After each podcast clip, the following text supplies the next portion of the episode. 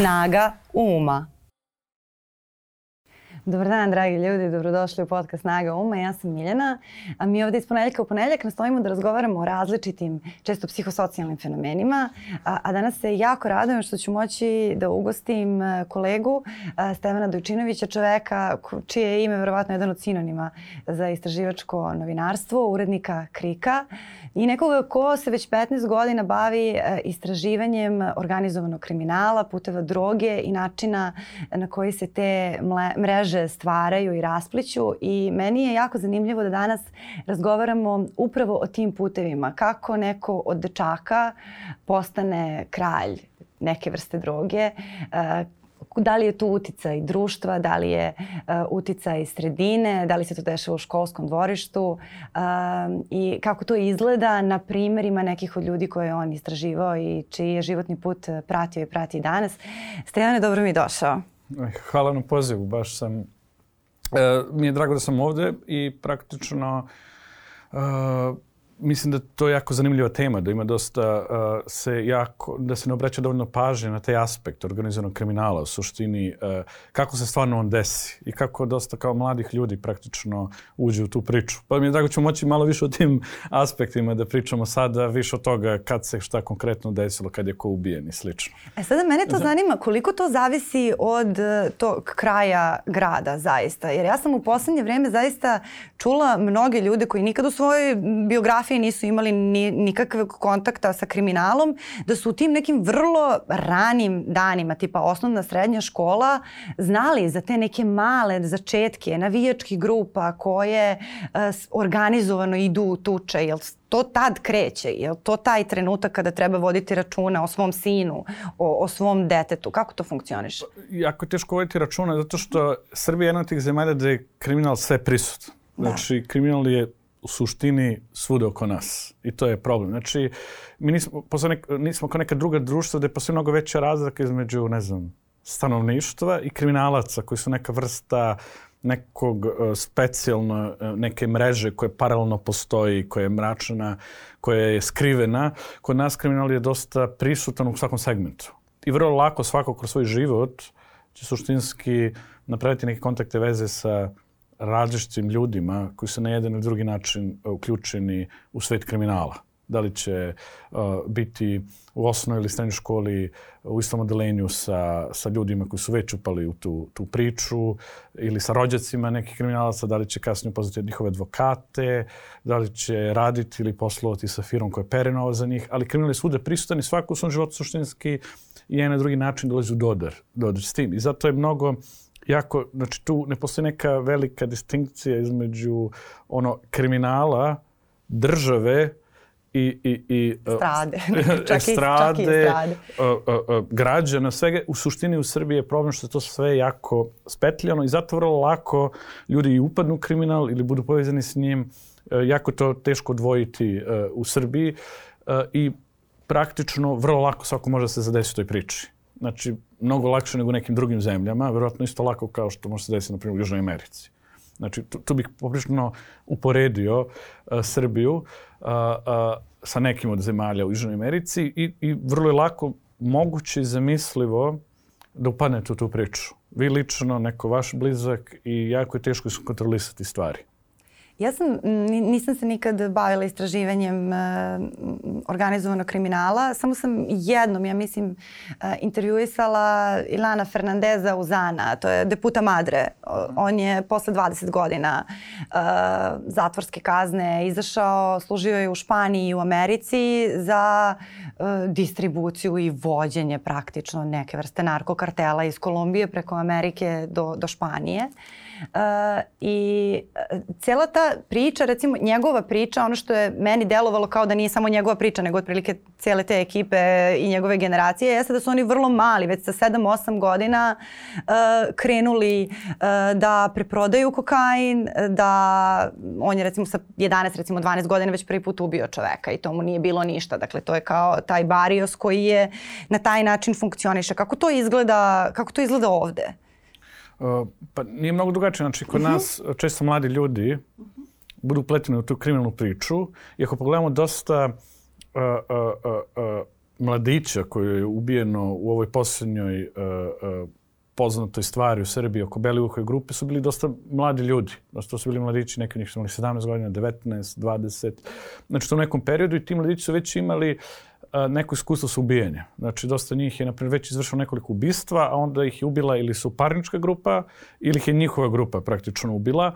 Tako da vidimo da te često ubice dolaze ono poprično ono, nije nemoguće imalo letnici da upadnu tu priču. Dosta dilera koji prodaju drogu su maloletnici, tako da kriminal poprično rano isto kod nas kod nas praktično uspe da uplete uh, uh, ljude, tako da praktično uh, to je neka priča koja bi se kao i Srbi desila i što se dešalo. Znači, mi imamo neke... Ima logike. Mislim, da, ima neče... logike jer pubertet to neko vreme pomućene svesti i kao ako ćeš nekoga moralno da deformišeš da mu ubistvo ne bude ništa, mislim ima, ima logike, užasno je, ali... Pa, mislim da generalno u, Srbiji pa, pa, pa, jedan ljudski život nema neku preteranu vrednost. I jednostavno, mislim da nije mnogo velika... To ono što ljudi obično se šokiraju kada, na primjer, uzmu da se čitaju, uh, uh, na primjer, ili transkripti tih razgovora, prisluškivanih od kriminalaca, ili ili, uh, na primjer, iskazi svedoka Sarnika, koji se ljudi šokiraju, ovo stvarno ovako funkcioniše, onda kad malo razmislite gde živite i šta se plasira on, iz vrha vlasti i, i mainstream medija, znači ako vidite koje vrednosti se, ako imamo potpunu agresiju koja stiže od predstavnika, ako imamo televizije sa nacionalnom frekvenciju protiv Happy koje plasiraju i kriminal i, i svađe ljudi i sve najgore, onda kao skontate da to se potpuno uklapa u taj neki sistem vrednosti generalno koji postoji u Srbiji, nažalost. I uh, tu nema nešto mnogo etičkih dilema u kriminalu. Znači, to nije kao ono zločin i kazna. Se nešto da tu, e, da se kriminalci mnogo lome, da li nekog treba da ubijete ili nešto da uradite, sve to nekako prirodno i lako ulazi i potpuno iz njihovog ugla je skroz opravdano s obzirom pogotovo u sistemu koji žive, gde se kao smatra da od vrha vlasti svako je tu da bi nešto uradio za sebe. I ovi gore, ne znam, kradu na tenderima, uzimaju novac, a, a, niko se ne bori ni za kakav neki a, viši cilj, znači nema više nikakve ideologije, naša nijena politička struktura nema nikakvu ideologiju i svi su doživljeni da u ovom društvu svako treba samo da vidi kako će se što sebe bolje da obezbedi i to je kao potpuno očišćeno od morala. I ti likovi još te nezmišljenim kategorijama, na primjer, ne znam, evo, na primjer, slučaj jedan od tih a, ljudi iz Belijukove grupe, Bojan Hrvatnik koji je sad zaštićeni svedok, on je bio jedan ljudi koji uče su ubistvima i otklanjanju leševa E, on opisuje kako on, on se nalazi u zatvoru, uh, on je bio navijač koji je bio u zatvoru, mislim da je neki šverc droge bio u pitanju. I on je pušten iz zatvora i onda on postane povezan sa Belivukom grupom tako što je sedao u restoranu uh, uh, uh, sa jednim članom te grupe i oni su već ubili neke ljude. I slikali su. I to je jako bitno. Znači, ti, uh, ima ta fascinacija oko slikanja i oni su svaki proces slikanja, kamo seku glavu, tranžiraju telo, to sve su slikali sa oduševljenjem. Znači, Bože, to je jako, ako ja kad napravim pastu pa kao slikam da pokažem. Bukvalno na to nivou. I sad, znači, i sad on... Uh, to je taj porev. I on kao je, vidiš što sam lepo nešto uradio. Je to to, otprilike? Mislim, pa da, bili potpuno, ponosi na to. Da, da potpuno... Uh, uh, i, I praktično njih dvojica sede i sad ovaj koji je već bio u toj grupi, on njemu pokazuje na svom telefonu poslednjeg čovjeka koji su ubili i pokazuju mu slike osečene glave, onda telo koje su isekli u veliki tiganj, u komade, što su prvo sitnjavali telo da bi kasnije ga samlili u mašini. I sad ovaj to prvi put vidi. I ovaj pokazuje kako smo ubili nekog pre. I ovaj svedok šta ispriča u tužiloštvu, on kaže, on kaže kad sam to video, ja sam ga zamolio da li možete sljedeći put mene da pozovete. Znači, to je bila njegova reakcija. Nije bio, ne znam, šokiran, nije bilo odvrtno. Znači, on kad to vidio, rekao, wow, kao molim vas sledeći put mene zovite. I onda je objasnio tužiloštvu, on je rekao, bilo mi bitno da kad bude sledeće ubistvo da ja uzem, da učestvujem u tom klanju, jer ja znam da kad se napravi krvna veza između nas, to je najjače. Onda smo prava grupa. Kao, možemo zajedno švercamo drogu, možemo da radimo, ali kad ubijamo zajedno čovjeka, onda smo baš vezani. I znao sam da to pravi način da se ja vežem s njima, skroz. Ali on u jednom trenutku nima nijednu kao minimum zadrške, da je to okej. Okay. Kad je to video, to mi je bila sledeća stvar koju je ovog zamolio da ga ubaci. Znači tu bukvalno, ako pogledate to, znači tu nema nikakvih tu dilema. Ima nekih kao pravila, to je zanimljivo ako gledamo i sa te kriminalce grupe, oni, ono što oni mere, jedino je, oni to zovu, uh, konkretno mislim kod Belivu, kad su tako zvali, uh, za njih se sve deli na dve, znači, otprilike oni imaju uh, uh, ljude dele u dve kategorije, uh -huh. to oni zovu krvnici i civili krvnici su svi koji su na bilo koji način upleteni u kriminalni svet. I zato su njih krvnici. I oni e, čak ima, kad su slikali ta mrtva tela, pa slali nekim svojim, e, nekim kriminalcima s kojima su oni sarađivali, koji su bili kao odreagovali šta vi to radite po Beogradu, ovo je neviđeno. E, oni su se opravdali, objašnjavali kao ne morate brinete, svi ovi ubijeni su krvnici, nisu civili. Civili su kao za njih obični građani koji ni na način nisu upleteni. Krvnici su svi koji su neki deo, veze, deo kriminala. Ono što tu kao opet strašno, znači krvnici za njih nisu ni samo kriminalci koji se, ne znam, prodaju drogu Švercović, može krvnik biti, ne znam, policajac koji s njima, advokat, članovi porodice, znači tu je dosta ljudi stradalo koji nisu nužno bili u kriminalu, koji su bili povezani s njima i to je za sve njih neki svet koji praktično prema kome nemaju nikakvog obzira, koji mogu da likvidiraju bez ikakve zadrške. A je li to recimo važilo i 90-ih da su članovi porodice takođe krvnici ili ne? Uh, ili se to promenilo? Zato što to, to je isto zanimljiva geneza nije se to mnogo, mislim da to nije, nema sad tu neke mnogo razlika kao 90-ih sad. Suštinski, ako gledamo kriminal, i ne, nije to vezano za period, već za to kakva je grupa. Znači, neke grupe su brutalnije, neke su manje brutalne. Neke su malo više poslovno orijentisane, tako da kažem. Često što idete niže niz lanac, grupa postaje brutalnija. Znači, pogotovo te navijačke grupe. I samo kažem, to nije jedino Belivuka grupa. Sad pričam najviše o njima zbog ovog slučaja koji postoji. Da, da. Ali tu postoji drugih takvih uh, brutalnih grupa koje, nažalost, se i ne procesuiraju za razliku od Belivukove. Ali postoji još takvih uh, grupa. I praktično, uh, što je niže grupa, ona je često brutalnija. A što se ide nekako više ka gore, obično takav slučaj, tu su malo više, zato što je mnogo veći novac u, u igri i onda ti kriminalci koji su ipak malo iznad, malo će teže očigledno odlučiti da krenu neka baš brutalne obračune samo iz razloga što mogu mnogo da izgube. I oni često su malo prezni, pažljivi i mnogo su više upućeni vezani za sam posao međunarodnog šverca droge, dok su ove niže grupe često više vezane za ubistva.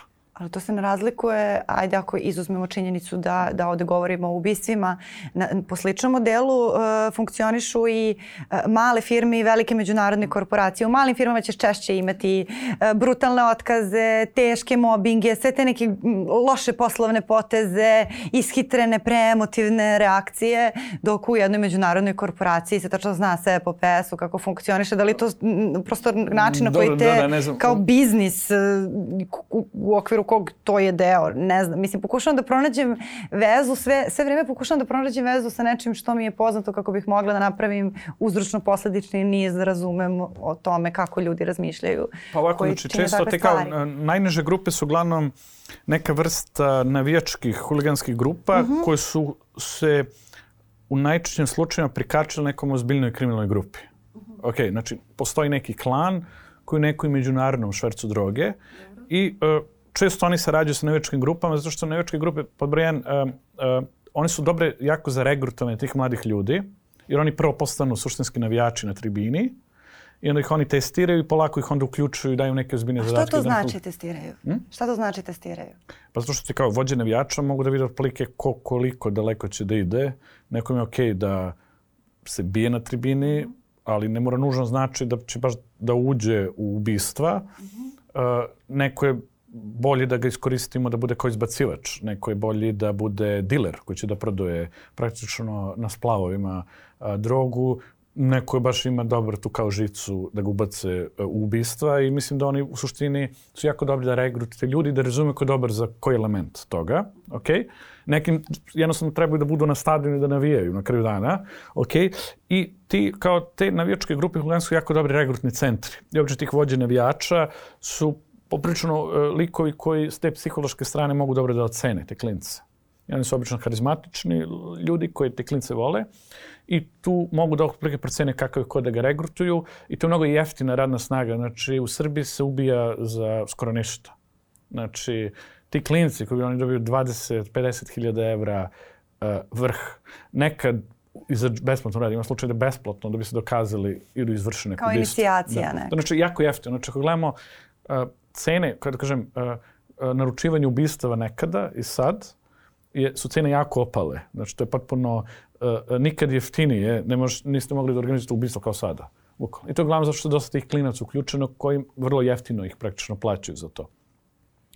I praktično, e, i onda su to kao dobri regrutni centri i obično iznad toga je neki ozbiljan kartel. Ozbiljan kartel, pričamo, to je neka kriminalna grupa, često kartel, odnosno više kriminalnih porodica udruženo i oni švercuju međunarodnu drogu. Ok.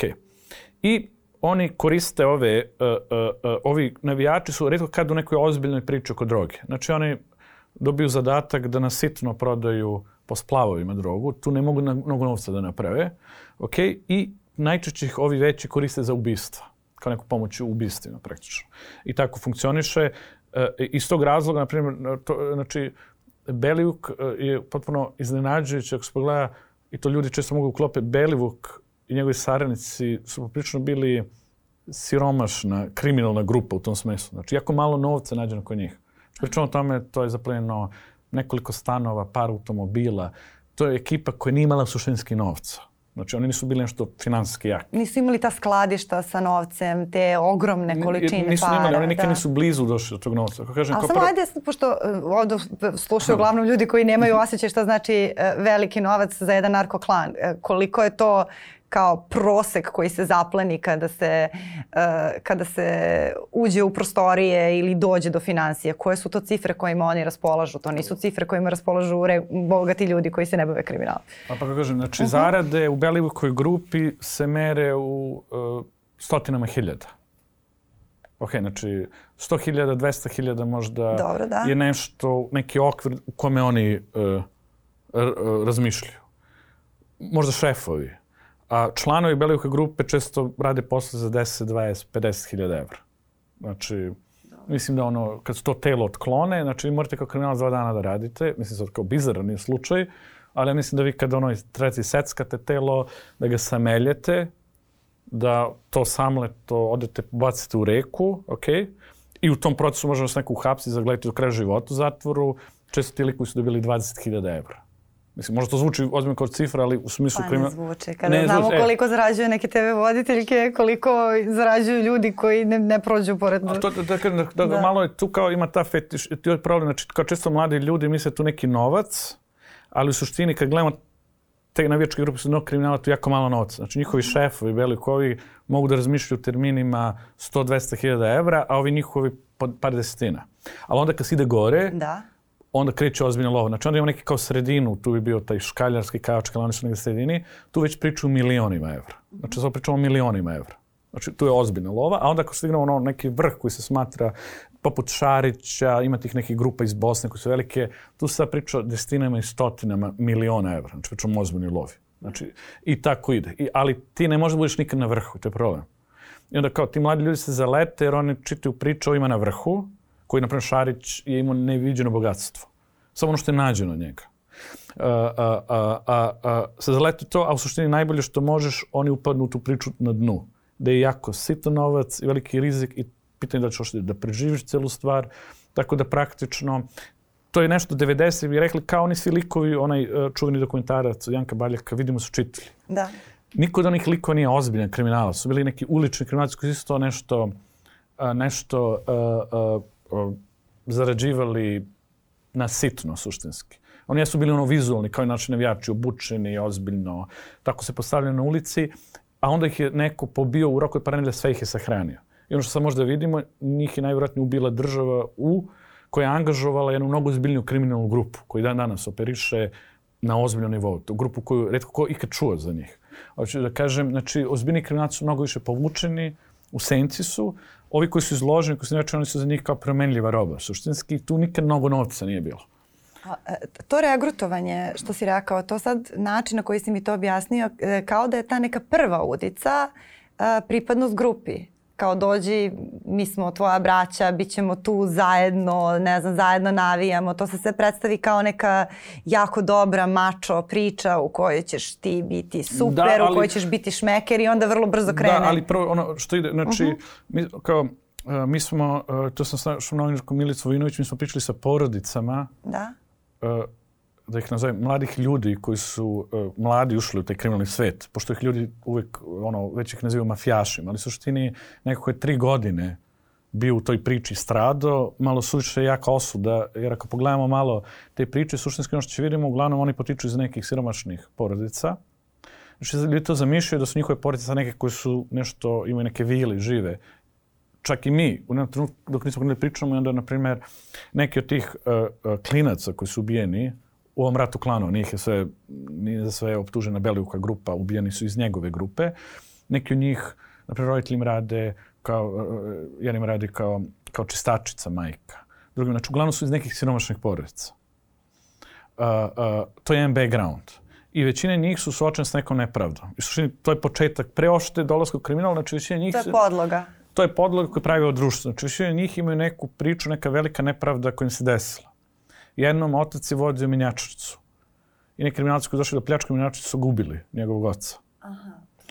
I onda prva nepravda koju on vidi kao dete, on je bio malo dete, taj dečak je bilo to da ono policija uhapsi njegovog oca, pa klasično što se desi, pošto imaju skorumpirano sudstvo, ti ljudi koji su bili oci izađu na slobodu posle 3-4 godine, i da nema nikakve pravde u ovom društvu. Znači ti ljudi prvo vide da u suštini kao društvo nemaš obezbeđene neke elemente pravde, nema nikakvog novca, znači još u siromaštvu, desila se velika nepravda i onda oni u suštini postaju kao dobar materijal da ih oni regrutuju. Onda im se pojavi neko, obično se desi da u njihovom kraju, pošto kriminal je sve prisutan, da. u svakom kraju Beograda, ne Beograda, svakog grada u Srbiji, plike ima neka ekipa koja drži tu lokalnu distribuciju droge i onda, živeći u siromaštvu, suočeni sa nekom nepravdom, oni uspud dođu u kontakt sa tim ljudima koji su tu neka, neki deo ekipe koji je već u kriminalnoj strukturi koji tu koje tu da, i koji vide drogo. nasilje kao jedini način da preuzmu kontrolu nad svojim životom, da obezbede neku sigurnost da, sebi, porodici. Nasilje vide kao način da se osvete. Često, da, I da se više ne plaše, možda. Da, a s druge strane i na,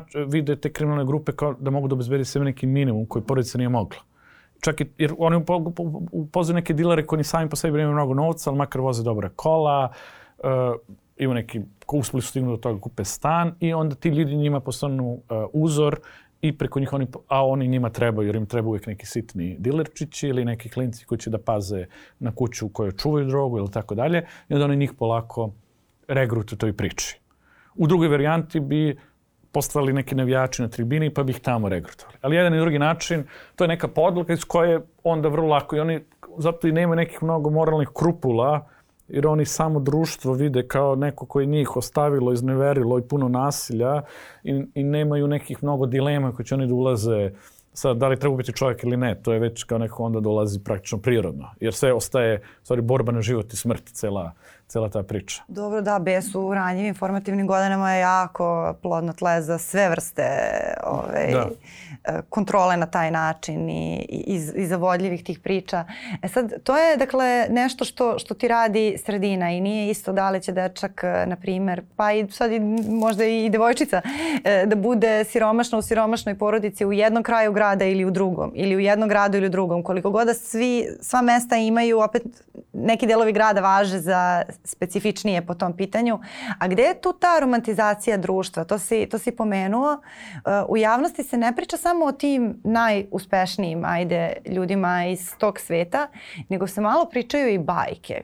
Sad kao što je, ne znam, svojevremeno uh, postojao film Kum koji je potpuno romantizovao mafiju kao nešto krajnje ugledno, krajnje elegantno ovaj, i na jedan potpuno specifičan način privlačno. Tako i mi ovde e, od malena, mislim, ja sam stvarno nikada nisam imala kontakta sa takvim ljudima, a, a znala sam imena 90% kriminalaca 90-ih kao dete. Mislim, šta će to detetu kao informacija?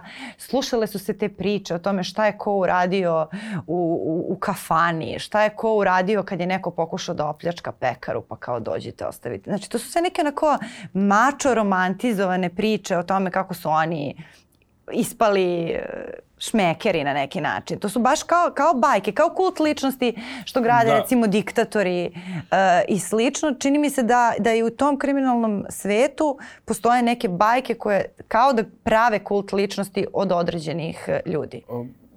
Tako je kod nas od 90-ih do danas, suštinski uh, kod nas kriminalci idealizuju. Znači, kako u javnosti se predstavlja mafija uh, uh, je malo drugačije tako kako stvarno funkcioniše kako je u stvarnosti kod nas. Uh, ali to je nešto što postoji kao nešto deo kulturnog miljeja. I onda se gubi neka linija, pošto likovi kao su heroji, nečega š, koja treba da razdvaja državu i društvo od kriminala i oni postaju potpuno slizani. I onda jednostavno na svim nivoima. Znači, ako možete kao predsjednik ili predsjednikov sin da sedi s kriminalcem i to je okej, okay, uh, ako može ministar da, da bude blizak kriminalcima, ako mogu ljudi iz vrha vlasti da sede s njima, i onda kad to bude otkriveno u javnosti, to pravdaju kao nešto skroz normalno. Znači, ne znam, ono, najpoznatiji slučaj je vjerojatno Ivice Dačića koji, i Miše Banana, oni su bili prijatelji. Ovo je bio čovjek jedan od ključnih u, u međunarodnom narkokartelu. I eto, to je kao objavljeno, poznato, to smo i mi pustili snimke, oni sede i to kao u našem društvu nije ništa što će ti izbaciti iz politike kao okej. Okay kao prijatelji smo. On je rekao, znači mi smo prijatelji, pa šta? Kao, nisam znao da radi drogu, smo prijatelji. Razumiješ? I nema te barijere koje dvaje i onda to mislim je jasno kao poruka, ako već ima na vrhu, što bi ikome dole bio problem da sedne, da poznaje se druži s kriminalcima. Zašto? Zašto bi jedan taj klinac sebe suzdržavao da bude prijatelj lokalni diler, ako može ministar policije bivši da sedi i da ruča sa, sa šefom mafije. Znači jednostavno mi nemamo kao društvo potpuno nemamo nikakvu tu koncept. Svako Znači, kod nas su ti ugledni građani, evo, Zvonko Veselinović, Milan Radovićić. Čovjek osumnječen za ubistvo dole i koji ima kriv, e, ono, i pre toga uh, uh, krivični dosije, a gde se na, nije optužen, ali na Kosovu se smatra da praktično stoji za ubistvo Olivera Ivanovića. Napred njega predsjednik otvoreno štiti, primi ga. Kad su krenuli da ga jure kosovske vlasti, on je došao u Beograd, predsjednik ga primio, zaštitio javnost u njegovu stranu, što bi onda iko imao ikakve um, zadrška u društvu, mislim, da se druži s kriminalcima i da bude blizak s njima. I to je problem. I, znači, a onda, pored toga, imamo to kroz medije, predstavljanje mafije na, u nekom kao potpuno tom romantizovanom svetu. A suštinski, uh, uh, kao neki likovi koji su puni para, koji imaju fenomenalne živote i koji, koji praktično će uvijek najbolje da prođu. I imaju neke kao jako šmekerske opaske koje se da, onda prepričavaju sve vrlo onako kao neka jeftina serija zvuči. E, kad, pa, ne znam, ali da, kao jednostavno film, da. su, jednostavno su da, definitivno ima jedno poprično nekakva vrsta statusa postoje da si ti kriminalac ovde, to je cool. Znači jednostavno svako će reći ako pozna nekog kriminalca, on će se pohvaliti ti među prijateljima, brate, znamo ovo. Znači, nije sramote, nego je cool. Ali, kažem, cool je od vrha, od predsjednika pa na dole. I onda jednostavno, ok, znači ti ako hoćeš da rešavaš stvari, ipak uh, ima neki, uh, ono, uh, uh, stvari moraju gore da se prvo promene, da bi malo promijenili koncept u društvu, da valja, šta ne.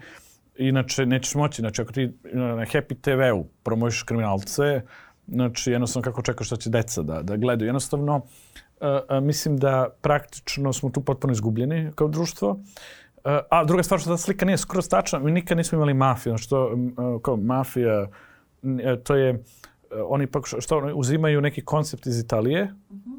koji nikad nije postojao kod nas. I onda gledaš kuma i onda pokušaju taj koncept da ubace ovde. Suštinski u Srbiji nikad nije postala mafija, u tom smislu kao mafija. Odnosno mi nikad nismo, kažem, kod nas, pre svega, nikad nije postojao organski kriminal u smislu, uh, kod nas kriminal nije nastao tako što je na ulici se skupila ekipa u nekom kraju i stvorila kriminalnu grupu. Kod nas je kriminal nastao od vrha, odnosno praktično država, prve kao organizovane kriminalne grupe je država napravila. I oni su radili pod patronatom države. Znači, kriminal je nastao od ozgo, nije od ozdo, kao u Italiji. Hoću kažem, u Italiji se mafija razvila u nekom kraju, neka dominantna porodica nasilna preuzela polako sve. Kod nas je država sama kreirala kriminalne grupe. I to je posebno bilo jako bitno uh, uh, 90. godina, uh, uh, gde praktično je kao naša služba praktično gledala da su kriminalci jako dobro... Mi tada nismo imali nijednu kriminal, organizu kriminalnu grupu 90. Suštinski mi smo imali niz jako sitnih kriminalaca koji su živjeli po Evropi i krali iz butika stvari. Naprimjer, Arkan je to bio. Iako on, on je upamćen kao legendarno ime u kriminalu, on suštinski 80-90 ih krao od baba ukrade tašnicu. Znači, kao neka vrsta, nije, bio, nije imao neku grupu s kojom je radio, nego sam kao neka vrsta, to oni zovu uh, u engleskoj petty crime, kao najnižeg mogućeg kriminala u smislu. Uh, uh, I onda naš organizovani kriminal, da postane stvarno moćan, nastaje kada država skonta do tih sitnih likova, po Evropi možda napravi neku korist.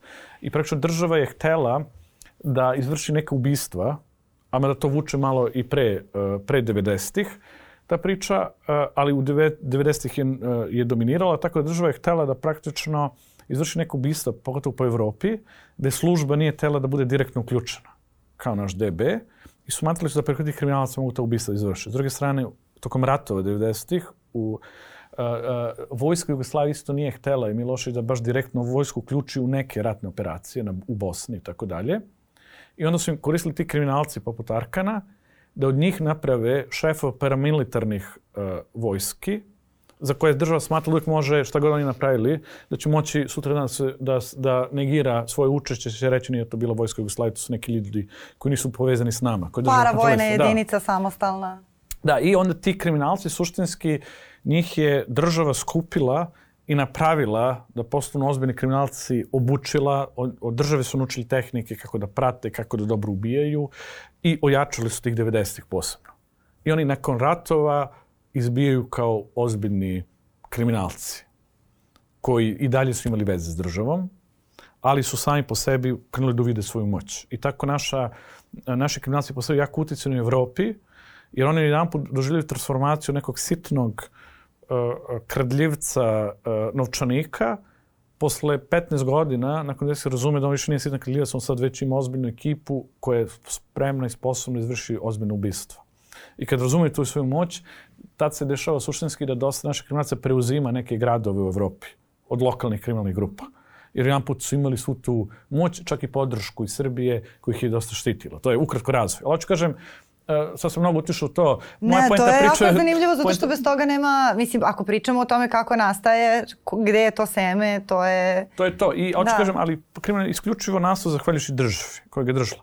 I kriminalci su uvijek merili prema tome koliko im je podršku državi. Znači, suštinski hoću kažem, negde u svetu biti uspešan u kriminalu može da odredi to koliko si dobar, uh, koliko imaš inteligenciju da sklopiš neki posao, koliko si brutalan i tako dalje. U Srbiji od uvijek je bilo i dan danas je. I to se vidi u ovim slučajima za njim, kada je bilo hapšenje Belivuke grupe. Isključivo koliko ćeš biti uspešan u kriminalu, isključivo zavisi od jednog faktora koliko si ti u stvari blizak državi. I kriminalci oko toga se takmiče. I to je jedina stvar koja će ti odrediti koliko si dobar u poslu. Jer tako je krenulo i tako i dalje traje. I za kriminalce je jako bitno, suštinski, da kažem, mafija, kada operišu u Italiji, njima je cilj da, a, a, da, da oni iskorumpiraju državu i da država radi za njih. Ili negdje drugdje u svetu kriminalu je bitno da radi skriveno, da niko ne zna za njihovo postojanje, da ih ne bi hapsili. Ili da to potplate da. sudije, tužioce, policajce. Tako, da... da. A u Srbiji je u suštini koncept kao kriminalcu da se što više približiš državi da od države dobiješ odobrenje da radimo zajedno. Znači, kriminalci hoće da se radi s državom. Znači, u nekim, da kažem, to je razlika. Mafija je protiv države. Mafija je na suprotnoj strani. Kod nas kriminal san je da se uglaviš u državu i da budeš prihvaćen. I to, je, I to određuje kriminalne ratove. I ako pogledamo, na primer, uh, uh, jako dugo Belivuka grupa imala podršku države i ona je, Belivuka grupa bila na, sa strane tog kavačkog klana, koji je bio u ratu sa škaljarskim klanom. I ako gledamo neke 4-5 godine, dok je Najboše Stefanović vodio uh, policiju, dok je bila Dijana Hrkalović, ljudi koji su bili povezani s Belivukom grupom ekipom, mi nismo imali skoro nijedno hapšenje nijednog člana kaučog klana. Znači, pet godine policija isključivo udarila njihove neprijatelje. Oni su hapsili uh, uh, te pripadnike tog suparničkog škaljarskog klana, policija je dojavljivala Beli u ekipi informacije gde se njihovi neprijatelji nalaze da ih ubiju i oni su bukvalno za tih pet godina skoro očistili, dosta su uradili da, da rasture tu suparničku grupu. I Tkavački klan je jako dominirao u Srbiji, samo iz razloga što je njima bila naklonjena država, imali svoje ljude u policiji, u državi koji su ih štitili. A onda kad su jedan put izgubili podršku države, svi su pohapšeni preko noći i bukvalno su nestali sa scene. Znači, bukvalno trenutku kad se ta veza između države, znači Vučića i njih e, rasturila, 2019. godine to krenulo, ovi su ih pohapsili sve i oni su sad ništa u odnosu na drugu ekipu. Znači, bukvalno sve što zavisi ovde koliko će ti uspeti dobro da obezbediš podršku, jer tako kriminalci gledaju i što imaš državu, sebi ti si jači. Ako pogledamo Ko, ko su ljudi koji dobro prolaze u Srbiji? To stvarno, su... znači sad bukvalno ispada da kao i kriminalci u Srbiji samo sanjaju državni posao, kao to je opšti standard u Srbiji, čime god da se baviš, samo da se prikačeš državi i to je pa to. Jeste, sad šta to, god to, je, da. To je, to je sistem. To, ali, to jeste, humor bukvalno. Uh, pa, mislim crni humor, ali to je brutalna realnost koja nije samo sad, znači to je neki kontinuitet koji postoji, koji je nekad prekidan. Znači to su bile bitne operacije Sablja, tu se dosta država je udarila i malo je odvojila te stvari koje su onda vratile. Operacija po, uh, po, uh, protiv Šarićeve grupe je bila bitna, sad ovo otvaranje Skype poruka. Znači ima ih nekih momenta da država nešto uradi, ali suštinski to je neki kontinuitet koji postoji i, i tako jeste, ako gledamo, znači u suštini najisplativiji kriminal u zemlji nije ni šverc droge, iako se to smatra. Suštinski, ozbiljna lova gde se uzima, to su javni tender i novac koji dolazi iz Evropske unije. Znači, ako pričamo u švercu kokaina o desetinama miliona, pričamo o stotinama miliona evra koji se izlače e, o stotina miliona evra u fondovima. Na to, na to misliš? Na, da, pa, na ovo, da, da. da. Mnogo više koliko, koliko nego... gra, gradnje puteva, bolnica koje stižu, gde se svi ugrađuju. Suštini ti mnogo si jači ako si ti povezan sa našim predstavnikom i partijom, imaš svoju privatnu firmu i ako te oni uglavljuju da budeš podizvođač, da gradiš Beograd na vodi i autoputeve, ti ćeš mnogo veću lovu dobiješ nego najjači uh, švercer kokaina. Tu je najveća lova. Ako si već kriminalac, ne možeš dotle, ne možeš baš da uđeš u taj prvu postavu. Druga postava bi bila da suštini imaš te uh, razrađene međunarodne šverce droge, ali ti tu treba da budeš blizak državi da bi mogo nesmetano da radiš. Da država štiti da ti dozvoljava da radiš tako ide hierarhija. I tako da njima u uglu je samo gledaju na koji način oni mogu. I kad mi pričamo u Srbiji, nemo mi kao ono da mafija iskorumpira ljude u državi, već više mafija sa državom pravi neka vrsta, neku vrstu partnerstava. Mm -hmm kao ono, joint venture, kao e, firme. Pomenuo si, pomenuo si Sky i moram da pomenem fenomenalan tvoj, tvoj tekst i veliku priču Krika, koju sve pozivam da, da pročitaju zato što je kao prvo fenomenalno napisana, kakav hvala, Netflix, hvala. kakvi romani, e, zaista možeš, možeš čak i da zaboraviš da, da je to nešto se stvarno dešava i da ga čitaš kao je prosto jako dobro što ti štivo, a da ne govorimo o tome koliko je informativno i značajno. E, sada, vi ste, zahvaljujući e, to, tom Skyu, e, opet dobili, dobili možda uvid u način razmišljanja tih ljudi iz jednog potpuno drugačijeg ugla. Dakle, njihove privatne komunikacije koje da tiču se organizacije onoga čime se oni primarno bave, ali i to njihove razmišljanja, bliski odnosi, kako te na kraju ponovo po starom srpskom običaju najbliži na neki način izneveri, čak i kada te mnogi jure drugi. Kako, šta si ti naučio recimo iz te, iz te cele ovaj, afere oko Skaja o tom načinu razmišljanja o tim ljudima? Šta ti tu bilo najzanimljivije. Pa, to, to nam je dalo dobar uvid u to kako kriminalci razmišljaju, kako se postavljaju. Odnosno, uh, razbijanje tog sistema Sky je najveći događaj u borbi protiv organizovanog kriminala koji se desio u zadnjih 100 godina, možda ikada. Znači, ja ne znam, nisam takav drugi slučaj. Samo da objasnim gledalcima šta to znači. U suštini, poslednjih godina a, a, kriminalci, ne samo ovi naši, znači kriminalci širom sveta su koristili jedan specijalni program koji vam zaključava enkriptuje komunikaciju kao program za tajnu komunikaciju koji se naziva Sky. I oni su neverovatno mnogo verovali tom programu, tako da su kriminalci, kažem, širom sveta poprilično otvoreno pričali kroz aplikacije. Dogovarali poslove, bez ikakve zadrške, šifri, znači otvoreno, skroz. Uh, uh, ubijali ljude, slikali, slali jednim drugima. Znači, taj Sky je najveći uvid u istoriju organizovanih kriminala. Kako oni rade, kako razmišljaju, s kim su povezani. I Sky praktično uh, potpuno otvara mafiju do kraja. Kažem do poslednjeg kraja jer tu je zapisano sve od svih funkcionera s kojim su radili, do svih ubistava koji su izvršili, do svih švercera droga koji su radili. Sve je tu. Samo poslednja caka. Problem je taj što Sky je otvorila su evropska policija, najzasluženija tu suštinski Francuska za celu tu operaciju i onda oni posljeduju sve te poruke. I onda oni gledaju uh, uh, prema tim porukama kad je neko ubistvo, neki šverc droge izvršen u kojoj zemlji. Šta je čija nadležnost i da, to? Da, E, i onda oni te poruke šalju u različitim zemljama, uključujući Srbiji. Problem cele priče je taj što to stigne u ruke i naših, naše bije, policije, tužiloštva i pitanje je sad koliko toga što njima stigne oni stvarno procesuiraju. Da li će baš sve što stigne svako sve što vide da procesuiraju najvjerojatnije neće. Jer vidimo po toj nekoj nesrazmeri. Evo sad uporedi, na primjer, poruke su stizale iz Srbiji i, uh, i, i Crnoj Gori. U Crnoj Gori je niz ljudi pohapšen. U Crnoj Gori je uhapšen njihov glavni tužilac za organizovani kriminal. Znači čovjek koji je njihov tužilac koji treba da hapsi kriminalci, se postavlja da je bio povezan s jednom kriminalnom grupom, on je završio u zatvoru. Najmoćnija sudija u Crnoj Gori je uhapšena. Niz policajaca je uhapšen u Crnoj mafije. Znači u Crnoj Gori je bilo puno hapšenja ljudi iz sistema, iz države koji su radili s mafijom. U Srbiji ništa. U Srbiji jedino koji su hapšeni su kriminalci. I to kriminalci s jedne strane. Znači, u Srbiji ne, su samo kriminalce hapšili, par nekih nižerazrednih policajaca. Uh, I mi nemamo njeno ime u Srbiji da je uhapšeno nekog bitnog iz države koji radi s tom mafijom. I tako izgleda da suštinski nama iz Evrope stižu te poruke, ali da kod nas u Srbiji se samo skoncentrišu te kriminalce da uhapse što moraju Ovo i da će se zaštićene. Da. Tako da, nažalost, to jeste omogućen veliki uvid u kriminal, ali ako ste korumpirana zemlja kao Srbija, najverovatnije nekad nećemo doživiti da stvarno ima nekog, da, neko, da saznamo i da neko bude suštinski stvarno uhapšen koji je pomagao iz države, toj mafiji. Uh, osim ako se ne desi kao ono panamski papir tako dalje, da na kraju u ruke novinara dospe negdje iz Evrope svi ti podaci, onda konačno će novinari možda moći da nekada to otkriju. Ne znamo da će se to desiti, to je na nada, ali eto, nažalost, šteta, jer tako velika stvar urađena sa otvaranjem tog skaja, ali očigledno da naša zemlja ne želi se baviti time, jer su sama ljudi iz države s povezanim s kriminalcima, su mnogo pažljivi, ne, ne znam koliko smeju daleko da idu, da ne bi otkrili svoje veze. To.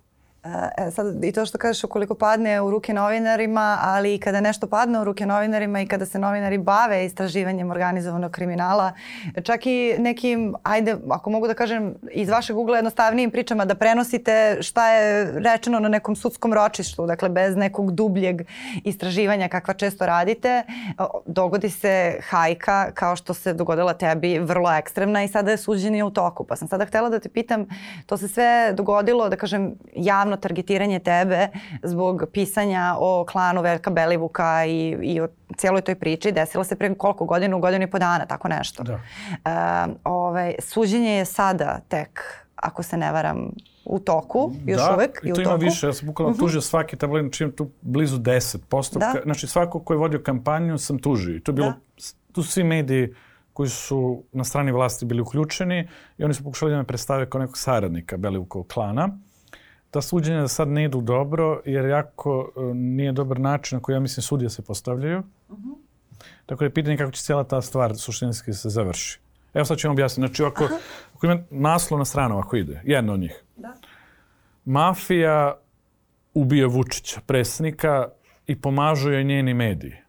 Krik, znači jasno piše, Krik ispalio prvi metak. To, znači jasno naslov, Krik radi za Belivuka, tu Belivuk njegova slika, koji preko nas udara na Vučića. Otvorite unutra prva, druga strana, znači najznačajnije vesti. Krik radi za mafiju, Krik ovo ono, Krik se dogovorio s Belivukom, Krik se dogovorio s Belivukom, Krik. I tu stoji jedan mali antrfile, moja slika, Stajan Dočinović urednik Krika, Stajan Dočinović nije hteo da odgovori na pitanja Srpskog telegrafa. To je to. I sad ja njih tužim, jer mislim jasno ja sam urednik Krika, ono kao i prepoznati sam u javnosti, mislim, ja ih tužim za ceo taj tekst i naslov, jer jasno ja sam urednik Krika, jel da? I ovde se dogo, tekst je o tome kako se Krik dogovorio s Belivukom, mislim, ko može drugi nego ja, jel da? Da udarimo na predsjednika sve i sad je suđenje. I ja krenem pričam o tome. I sudija kaže, ne, ne, pričajte ove informacije koje se odnose na vas. Ja kažem, pa ovo je sve o meni, da je Krik. Ja kaže, ne, ne, ne. I sudija me samo pita za taj paragraf, kaže, šta tu nije tačno? Ja kažem, pa mislim, sve je tačno. Zvali me i nisam teo da im odgovorim, zato što, kao, zašto niste? Kao, pa zato što već par puta sam im odgovorio, izvrnuli su moje reči. Ali ovo je tačno, ja sam urednik Krika i nisam odgovorio na pitanja. To je to. A ovo sve, kao, ja kažem, jer ima više postupka, nije kod svih sudija, neki je okej, okay, kod nekih sudija, na primjer, oni zaključuju, pa ovo se ne vas, ovo se tiče Krika. A bez ono što ima tu slika, sve što svako ko to pročita jasno i optužili me da radim sa grupom, što imate u tom istom tekstu uh, telo sa odsečenom glavom, ja moja slika tu, kao urednik krika, sve krik, ceo tekst koji se dogovorio za sudiju kao eto samo ovaj deo. Da, ali ti, I sad ti pitanje- dobiješ pretnje zbog tog teksta. Ti lično ne dobija krik kao neka ovaj, imaginarna, nego To jeste, niko ali ne objasni- preti kriku u bistvu, nego priče tebi. Da. Objasnite to sudiju. Za sudiju to je krik, kao krik. Ovo da ste vi, to okej. Dobro, da, to je speinovanje Dobro, prava. ali vidjet ćemo, ali to pričamo, to, većina, nažalost, od tih deset postupaka, sve možda u tri, većina drugih sudija se tako postavila. I sad ne znam, baš ćemo da vidjeti kad stignemo do, do, do presuda kako će oni to da izmere, jer oni praktično, ako baš budu merili taj deo, potpuno zanemarujući ceo ostatak teksta i kontekst, šta se tu stvarno desilo, Ja ne kako ćeš da dobijem to da bolide. A mene sada zanima, pošto uh, priče koje ti radiš zahtevaju zaista ozbiljnu uh, objektivnost i to je kao ona operacija na otvorenom srcu. Znači tu mora ruka da ti bude jako mirna, ne možeš da budeš uh, afektiran, ne možeš da budeš pod tom vrstom stresa o kojem pričaš, naročito kada radiš te neke priče duže. Uh, prosto da bih, da bih ih radio u onom kvalitetu u kom ti radiš. I sad kako ta, ta ogromna jedna hajka i sve te i pretnje smrću i, i, i sve što se događa uh, utiče na tebe i koliko su dugo trajale posledice te konkretne hajke od pre godinu i po dana, tog da kažem udara koji si doživeo? Pa, pa vrlo jednostavno, znači mislim, te, te hajke ono su dobro isplanirane stvari i vidimo da su dosta ranije isplanirane. Znači, kada pogledamo, oni su svaki dan kao dodav... Uh, hajka krene tako što objave neku informaciju koja je u osnovi tačna, koju oni naprave potpuno... Da. Znači, ono što je bitno uvijek u osnovi neki kao tačan, pa da ono izokrenu. Da a onda to nadograđuju naravno dana lažima i grade priču. I vidi da. se da to je očigledno ranije isplanirano. Da, da, to je kao, kao marketing kampanja, tačno se zna, market... ide teaser, pa ide da. kick-off i onda krene da, s tim da što se... u marketing za... kampanji ti cilj da neko onda nešto... Onda influenceri pro... da. krenu sve, da, pa jeste, jeste, da, imaju to influenceri, njihove poliče, s tim što kao u marketing kampanji cilj nešto prodaš, ovdje ti I ovdje da neko... ti cilj da nešto prodaš, ali na drugi način. Prodaš ili nekog uništiš, oni to nazivaju, na primjer, to nazivaju uh, uh, atentat na ličnost, ili tako? Ima oni svoj izraz. Sad da, da. Ubistvo Stav, karaktera. Da, ubistvo, tako nešto. Kao, da li... ne, ne ubiješ osobu stvarno. Ali to je isto izvedeno li... iz engleskog. Da, da, ali jeste. sad sam i meni stavno Character assassination. Kažem. Tako, sam, to je to. Ali sam to čuo da i koristano to bolidima kao izraz. Preveli ga na srpski, sad ne znam tačno kako oni kažu ubistvo lič, e, kao, kako kažu to, ubistvo ličnosti ili tako nešto. Ali u svom slučaju, pojenta priče je uh, uh, uh, kao ne ubijaš nekoga tako što ga stvarno ubiješ, ali ga ubiješ u javnosti tako što uništiš njegovu reputaciju do tog nivoa da on potpuno post, ono, može samo da batali svoj posao. To postane to, irelevantno, kao to je ta tema. To je jednostavno, uh, oni imaju utjecaj na veliki deo populacije, dosta ljudi to, to shvati za ozbiljno i veruje tome. I onda kad krenu te kampanje, prva problem koji imate, što kao oni krenu to objavljuju o vama, i onda prvo što suočite se sa talasem uh, uh, pljuvačina, hejta, govore mržnje, ono, uh, uh, uvereda i pretnji koji će da stižu. Dnevno. Znači, meni, uh, bukvalno zvuči nevjerojatno, ali stvarno meni dnevno u tim danima stiglo preko 200-300 poruka. Koji, na svim, ono, Twittera, Facebooka, Instagrama, da god, znači ljudi su mi pisali otvoreno javno, slali, slali ono, mailove, slali DM-ove, zvali na redakciju telefon da prete, da pljuju i vređuju. I, nek, i bukvalno s tim soči svakog dana more toga. Znači, to je nevjerovatno. I kao ono, poprilično šok da uopšte nešto, da prođete kroz sve to. I vidite, to nisu sad plaćeni ljudi, nije to sve bote. To su ono neki obični ljudi, često i oni sami iz nekog siromašni, neki kao socijala, da kažem, koji su totalno zaljubljeni u predsjednika i koji stvarno su poverili ja s mafijom radim pred predsjednika i oni su aktivirani i krenu da pretnjuju, da vređuju i sve tako dalje. Šta je tu meni paradoks? Šta? Meni je tu paradoks što svi ti ljudi, da im je komšija kriminalac, oni bi mu se jako lepo javili na, na ulici. Da znaju da je komšija koji živi kuću pored njih kriminalac i da važi za nekog velikog kriminalca, da je taj Belivuk nebitno. Kad se pojavi na ulici, oni bi rekli, dobar dan komšija, kako se hoćete da dođete na slavu.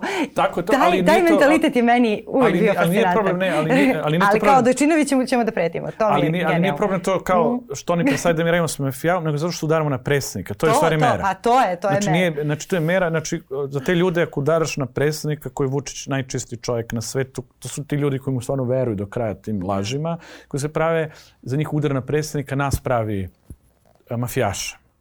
Da, da, da. Sam taj čin da mi može nešto kažemo protiv predsjednika i to njih aktivira. Uopšte samo Belivuk samo dodaje, ali suštinski mnogo kao teže to što mi kao nešto smo protiv predsjednika.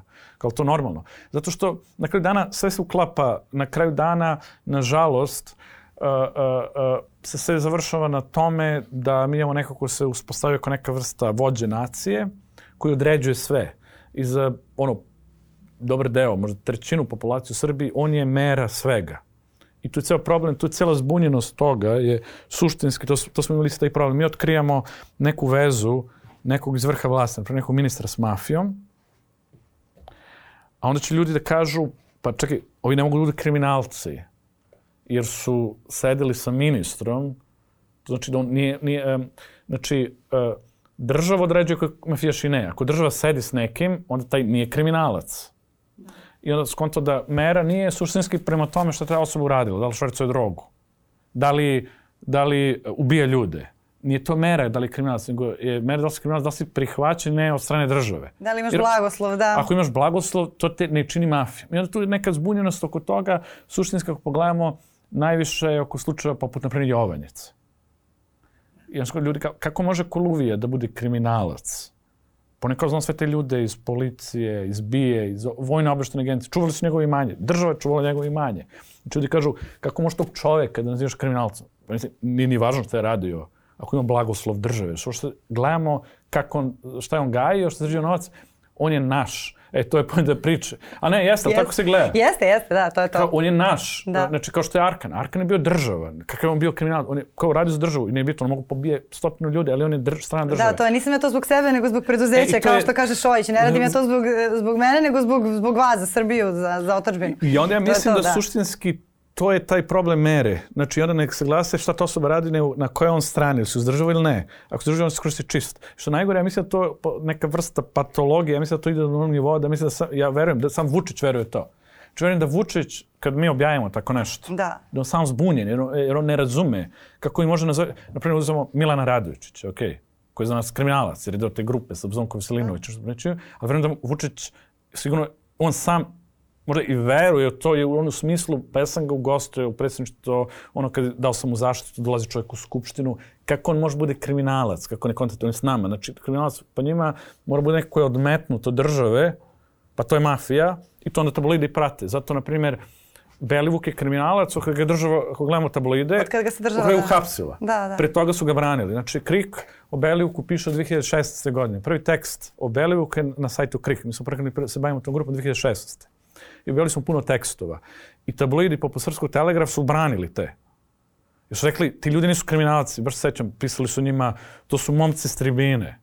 Jer su sad oni bili pod zaštitom države. Da, uvek A ili momak ili dete, o bože, više te ono Da, da, ali, ali, stvarno, ali kao razumijem, jer njima Da. bilo kao u fazonu, brate, krik pisao su oni kriminalci, pa oni, brate, s državom su. Oni su okej. A onda kad država sad ih uhapsi, bukvalno tako, Bele, kad ga uhapsili preko noći, jedan puta bili, on postoji maf, šef mafije. Sad on šef mafije i u njihovom, to je zanimljivo kad priča s tim ljudima, u njihovom moralnom kompasu to je kao okej, kao, pa kao sad je uhapšen, sad je mafijaš, država je hapsi, dok ga nije hapsila, on radi s državom i on je okej momak. Pa to je zato što misle, razumem. to je zato taj, taj koncept kad ti u jednom trenutku zaista učitaš da si iznad zakona i da ti određuješ šta je po zakonu, šta nije Da. i onda ti je potpuno, eh, počeš da veruješ u to očigledno. To je, ja mislim to je da, da, da, zakon. da je tu dosta, znači, jer kao predsjednik je jedini taj koji može da labeluje, znači predsjednik može da kaže ko je kriminalac, ko je kriv, ko je nevin. Blago nama, I onda da- dobro iko živ u ovoj zemlji, majke. Pa ja sam kažem, mnogo su stvari su suviše, suviše uh, su otišle van uh, kontrole i izgubilo se sve je, problem je ta relativizacija koju je pogotovo SNS doneo, da sve relativizuju, oni su relativizuju uz to iz mafiju do kraja i više nema nikakvog, ne, ne možete oko Srbije više nikakav moralni stav ni oko čega napraviti. Sve se jednostavno izgubilo. Jako teško. I praktično, suštinski, više ne postoji ništa, oko svega kao možemo i da diskutujemo i sve može se gleda ovako i onako i više nije jasno šta je loše, šta je dobro i potpuno to je kao neka ta močvar u kojoj je dobro i kriminal pliva i partija na vlasti i jako teško naći nekog izlaza, ali da, iz te priče. Ali dobro, neki, neki ljudi ipak uspevaju da drže svoj kompas i mnogo ti hvala na razgovoru. Privodimo kafu kraju, mislim, ja bi s tobom mogla da pričam još dva sata o ovome, ali mo moram da te prekinem zato što znam da ti žuriš, Da, ne da, zato da. što ja žurim. Inače, što se mene tiče, mogli bismo da nastavimo do kada i nadam se da se vidimo, da se Da, da, vidimo naravno, ponovo i naravno. radujem se da, da čitam e, ove nove, nove Da, da, priče. tek dolaze, bit će još dobrih priča, baš ovakvih, poput ove sa Nažalost, Skyom. materijala imate. Da, nažalost, tih uh, krimi trilera će biti još. E, Hvala i vama na vremenu i pažnji. Mi smo tu i sledećeg ponedjeljka na Nova RS. Prijetno. Thank